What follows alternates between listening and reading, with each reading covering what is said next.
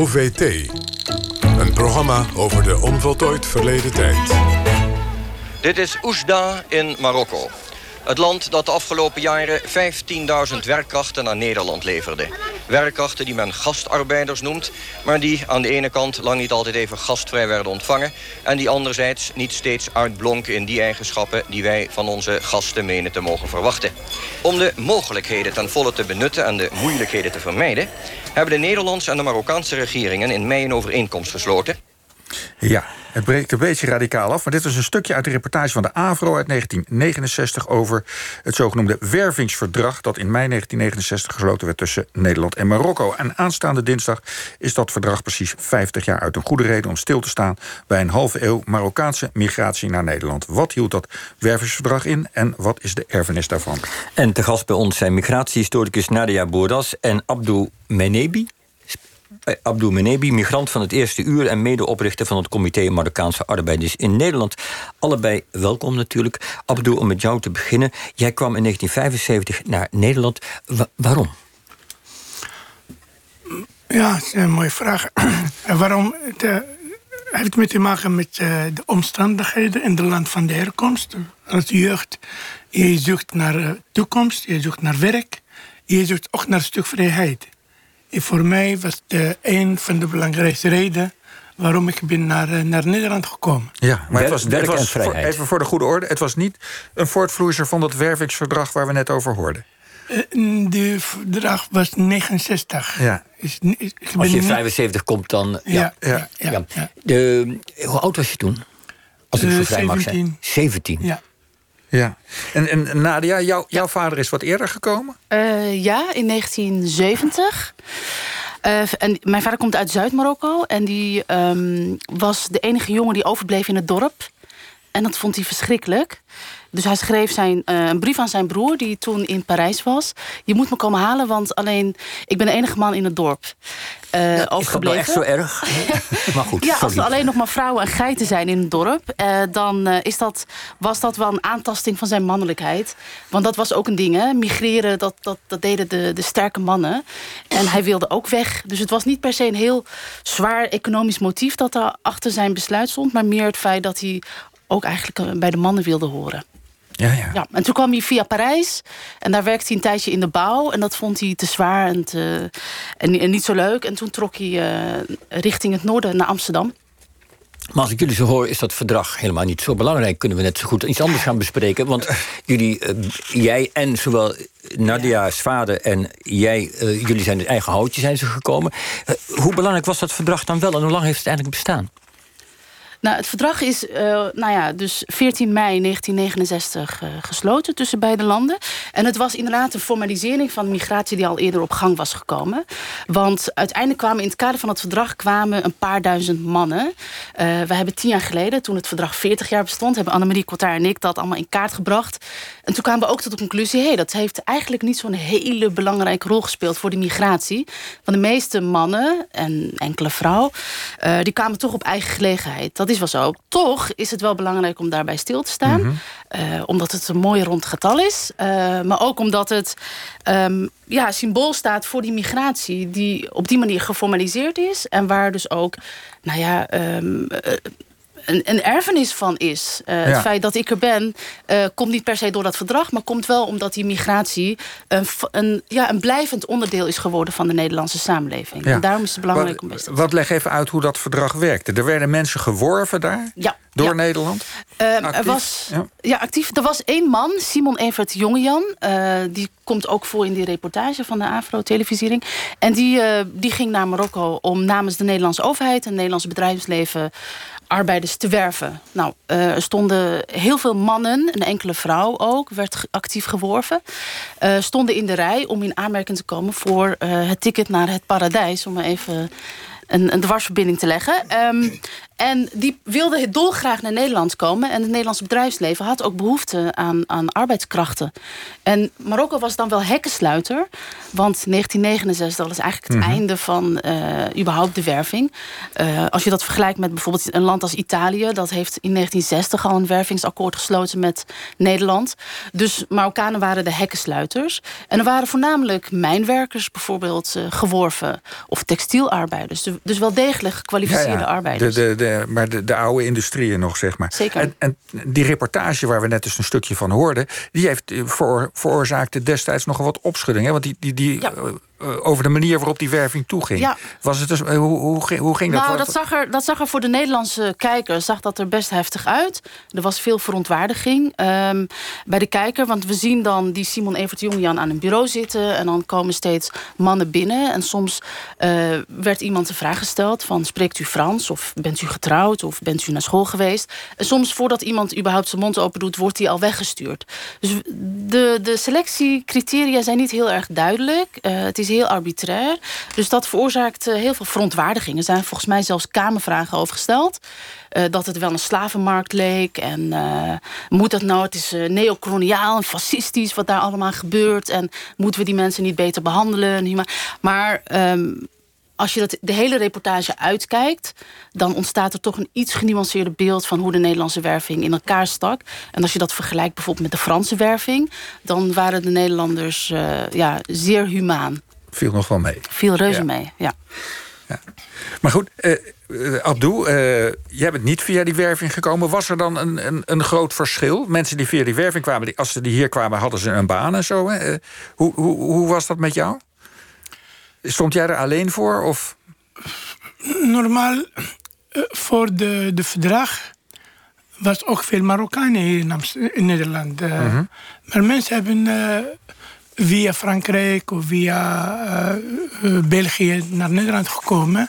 En toen de mogelijkheden om te werken bestaat. Hè. Een heleboel Marokkanen toen werkten bij schoonmaakbedrijf, bij een bloemenbedrijf, bij eh, de mijnen in eh, Limburg, uit een heel verschillende eh, plekken, eh, zonder eh, zeg maar eh, betere condities. Bijvoorbeeld, eh, als het gaat over huisvesting. We hebben mensen, 10 tot 15 jo- jongens, mee- wie eh, woont in een kamer. Eh, bij de schoonmaakbedrijf, mensen werkt eh, 10, 12 uur zonder CAO. In de bloemenbedrijf eh, zit een, echt een onderdrukking. is echt een nieuwe slaverij van de, de migratie toen. Dat is dezelfde manier eh, van eh, hoe is de selectie in Marokko gegaan. Alleen als het gaat over de, de verdrag. De verdrag heeft ook bepaald eh, eh, beter, zeg maar, eh, organisaties van de werk. Betekent, eh, je ziet plichten, ziet rechten. Maar, maar was het dan zo dat mensen die via dat verdrag kwamen... dat die beter af waren Zeker. en betere werkomstandigheden troffen... en huisvesting en al dat soort dingen... dan mensen die op eigen houtje kwamen? Was, Niet- was er een verschil tussen die twee groepen gastarbeiders? niet te beter huisvesting. Nee, maar in ieder geval de, eh, de, de verplichting, bijvoorbeeld voor sociale zekerheid, voor gezinsvorming, voor de, de gelijke, gelijke recht tussen Nederlandse arbeiders en Marokkaanse arbeiders. Dat zat in dat verdrag. Dat is het in de verdrag. Ja. Betekent, de verdrag geeft een garantie om in, in, in normaal eh, condities om te leven. Eh, voor de legalisatie was geen verdrag nodig. De, de legalisatie heeft met te maken met de voorwaarden waar mensen kunnen dat laten zien. Bijvoorbeeld een, een, een, een papiertje van, eh, van de huisbaas of een papiertje van het bedrijf. Maar voor de verdrag minimaal garandeert wat. Maar was het dan zo, eh, Nadia, dat, dat, dat je aan de ene kant heb je de groep gastarbeiders... die geloof ik ook vroeger dan een tijd lang witte illegale werden genoemd... als ik me niet vergis, of misschien heb ik... Of, of nou, niet? je had Ja. eh, dus het belangrijkste verschil tussen de mensen die Ja. op eigen gelegenheid kwamen en de mensen die geworven zijn, zijn dat de laatste groep nou redelijk in een gespreid bedje terecht kwamen. Mhm. Nou ja, die maakten natuurlijk ook lange dagen en die werkten hard. Maar de werkgever zorgde voor allerlei eh, faciliteiten, voorzieningen. Huisvesting werd daarvoor geregeld en, en dat soort dingen. Ehm, maar toch, de mensen die spontaan naar Nederland kwamen... Dat, die waren in de, eh, verreweg in de meerderheid. En werkgevers hadden toch een voorkeur voor die, laat, voor die groep. Want het was veel goedkoper. Daar hoefde je niet van alles voor te regelen en te organiseren. Dus die mensen werden liever aan het werk gezet. Want die kwamen gewoon letterlijk aanlopen eh, en aankloppen is er werk en daar was werk en dan konden ze aan de slag. Dat daar hoeft het werkgever niets voor te regelen. Dat was veel goedkoper, dat zorgde voor minder inspanning. Uh, maar die groep had wel soms minder rechten, omdat, die dan, um, omdat de werkgever niet uh, per se hun uh, werkuren doorgaf en dat soort dingen. Dus die belanden eigenlijk tussen wal en schip. Ze werkten wel en ze hadden alle recht op allerlei sociale toestanden en uitkeringen en zo. Maar dat werd niet altijd ingewilligd. En toen um, ja, belanden ze dus eigenlijk tussen wal en schip en toen ontstond die actie van de kerkacties. Hè, dat ze uh, kerkasiel aanvroegen, in hongerstaking gingen. En af en toe was een van de, de trekkers eigenlijk van de actie. Ja. ja. Ja, want dan heb je het over het comité uh, Marokkaanse arbeiders in Nederland... waar jij een van de oprichters van was... die dus die mensen die eigenlijk onbeschermd zijn... Uh, gaat ondersteunen om ze een plek te geven. Zeker. Daarom we hebben begonnen, wat u hebt genoemd, de wit illegaal. We hebben eerst begonnen met een actie in de kerk. Eerste keer in de geschiedenis van Nederland waar moslim Marokkanen hebben een asiel gevraagd bij de kerk. Een bekend kerk in Amsterdam. Mozes en Aaron kerk. Mozes Aaron kerk, ja. ook de kerk van de doof. Daar begint de eerste actie tegen de uitzitting voor legalisatie van de wiet illegale. Dit actie heeft uh, een heel brede steun binnen de Nederlandse samenleving. Met name uit uh, de basisgroep van de kerk, de linkspartij, de vrouwenbeweging, krakenbeweging. heeft een echt een hele bredere steun. Mm -hmm. Waar dit actie heeft geduurd een paar jaren geleid naar de succes, waar allerlei die 182 Marokkanen legaal geworden, heeft ook consequenties voor tienduizenden mensen na die acties voor legalisatie was ook nieuwe acties voor de betere huisvesting, voor respect voor de CAO. Is een echt een vertrouwen aan, uh, aan, uh, aan de strijd om de situatie beter te doen. Daarna was ook, en we hebben ook als Marokkanen in toen, omdat we komen uit Marokko. In Marokko vroeger was het echt een dictatoriair land met Hassan II. Je zei vroeger? Ja. Vroeger. Oké. Okay. Nu niet zo, maar in ieder geval. Uh, vroeger was het echt een, uh, een, een, een, een onderdrukkingsapparaat van de Marokkaanse overheid, ook hier. Waar mensen mochten niet strijd voeren. Mensen moeten niet uh, lid van de vakbond voeren. Er was ook veel repressie, dus, veel intimidatie dus Je had ook nog intimidatie van je Zeker. eigen land. Als, ja, je, als jij dat hier deed. Het was behoorlijk niet risicovol. eigen land, maar de autoriteit van mijn land. Ja, ja, nee, ja, dat bedoel ik. Het land is ja, ook van ons. Ja, ja, ja. ja. Hele, hele terechte correctie. De erfenis van dit verdrag. Uh, Nadia, hoe moeten we daar naar kijken? Um, het is, uiteindelijk is het maar een, um, een symbooldatum. Het is 50 jaar, dus een halve eeuw. Klinkt heel lang, maar dat heeft er wel voor gezorgd... dat er nu uh, ja, dus ongeveer 400.000 Marokkanen in Nederland zijn. En die hebben toch uh, ja, een, een, ja, een rol in de Nederlandse samenleving. Uh, Marokkanen um, ja, zijn, zijn aanwezig, uh, participeren in de samenleving... en, en ja, um, leveren ook een bijdrage aan de samenleving. Dus ik denk dat het in die zin belangrijk is om daarbij stil te staan. Ook is het een eerbetoon aan een groep die langzaamaan begint uit te sterven. Hè? Want die eerste generatie, die, de voormalige gastarbeiders... Ja, die beginnen steeds ouder te worden, die komen te overlijden... of die besluiten toch terug te gaan, dus die zijn er niet meer. En daarom is het goed om te stil te staan bij, bij, die, bij die geschiedenis... En zo'n um, jubileumjaar uh, is daar een goede gelegenheid voor om kennis te nemen van die geschiedenis. Want zeker ook Marokka jongere generaties Marokkanen hebben werkelijk geen idee waarom hun ouders zijn gekomen, hoe dat in elkaar stak en hoe dat wervingsverdrag eruit zag. Ja. Dat weten ze allemaal niet. Dus zo'n zo'n datum is mooi om daar even bij stil te staan. En, en dat, dat gaat ook gebeuren in een tentoonstelling, heb ik begrepen. Abdo, die jij georganiseerd hebt. We hebben een reizende tentoonstelling met veel foto's, met geschiedenis van de jaren 60 tot nu toe. Met ook veel, veel vragen voor de toekomst. En met ja. name over de herrelatie van migratie naar burgerschap.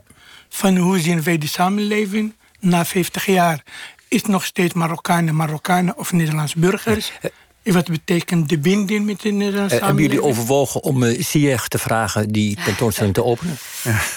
De voetballer? Ja. ja. Oké, okay, dus die gaat misschien nog wel openen? Zeker. Nou, de, de tentoonstelling is al geopend. Dus die gaat, die, die gaat hem afsluiten. Ja, ja, ja. En december is afsluiten. Goed, nou, voor meer informatie over deze tentoonstelling... die vindt u op www.50jaarmigratie.nl. Nadia Boeras en Abdou Menebi, hartelijk dank voor jullie komst.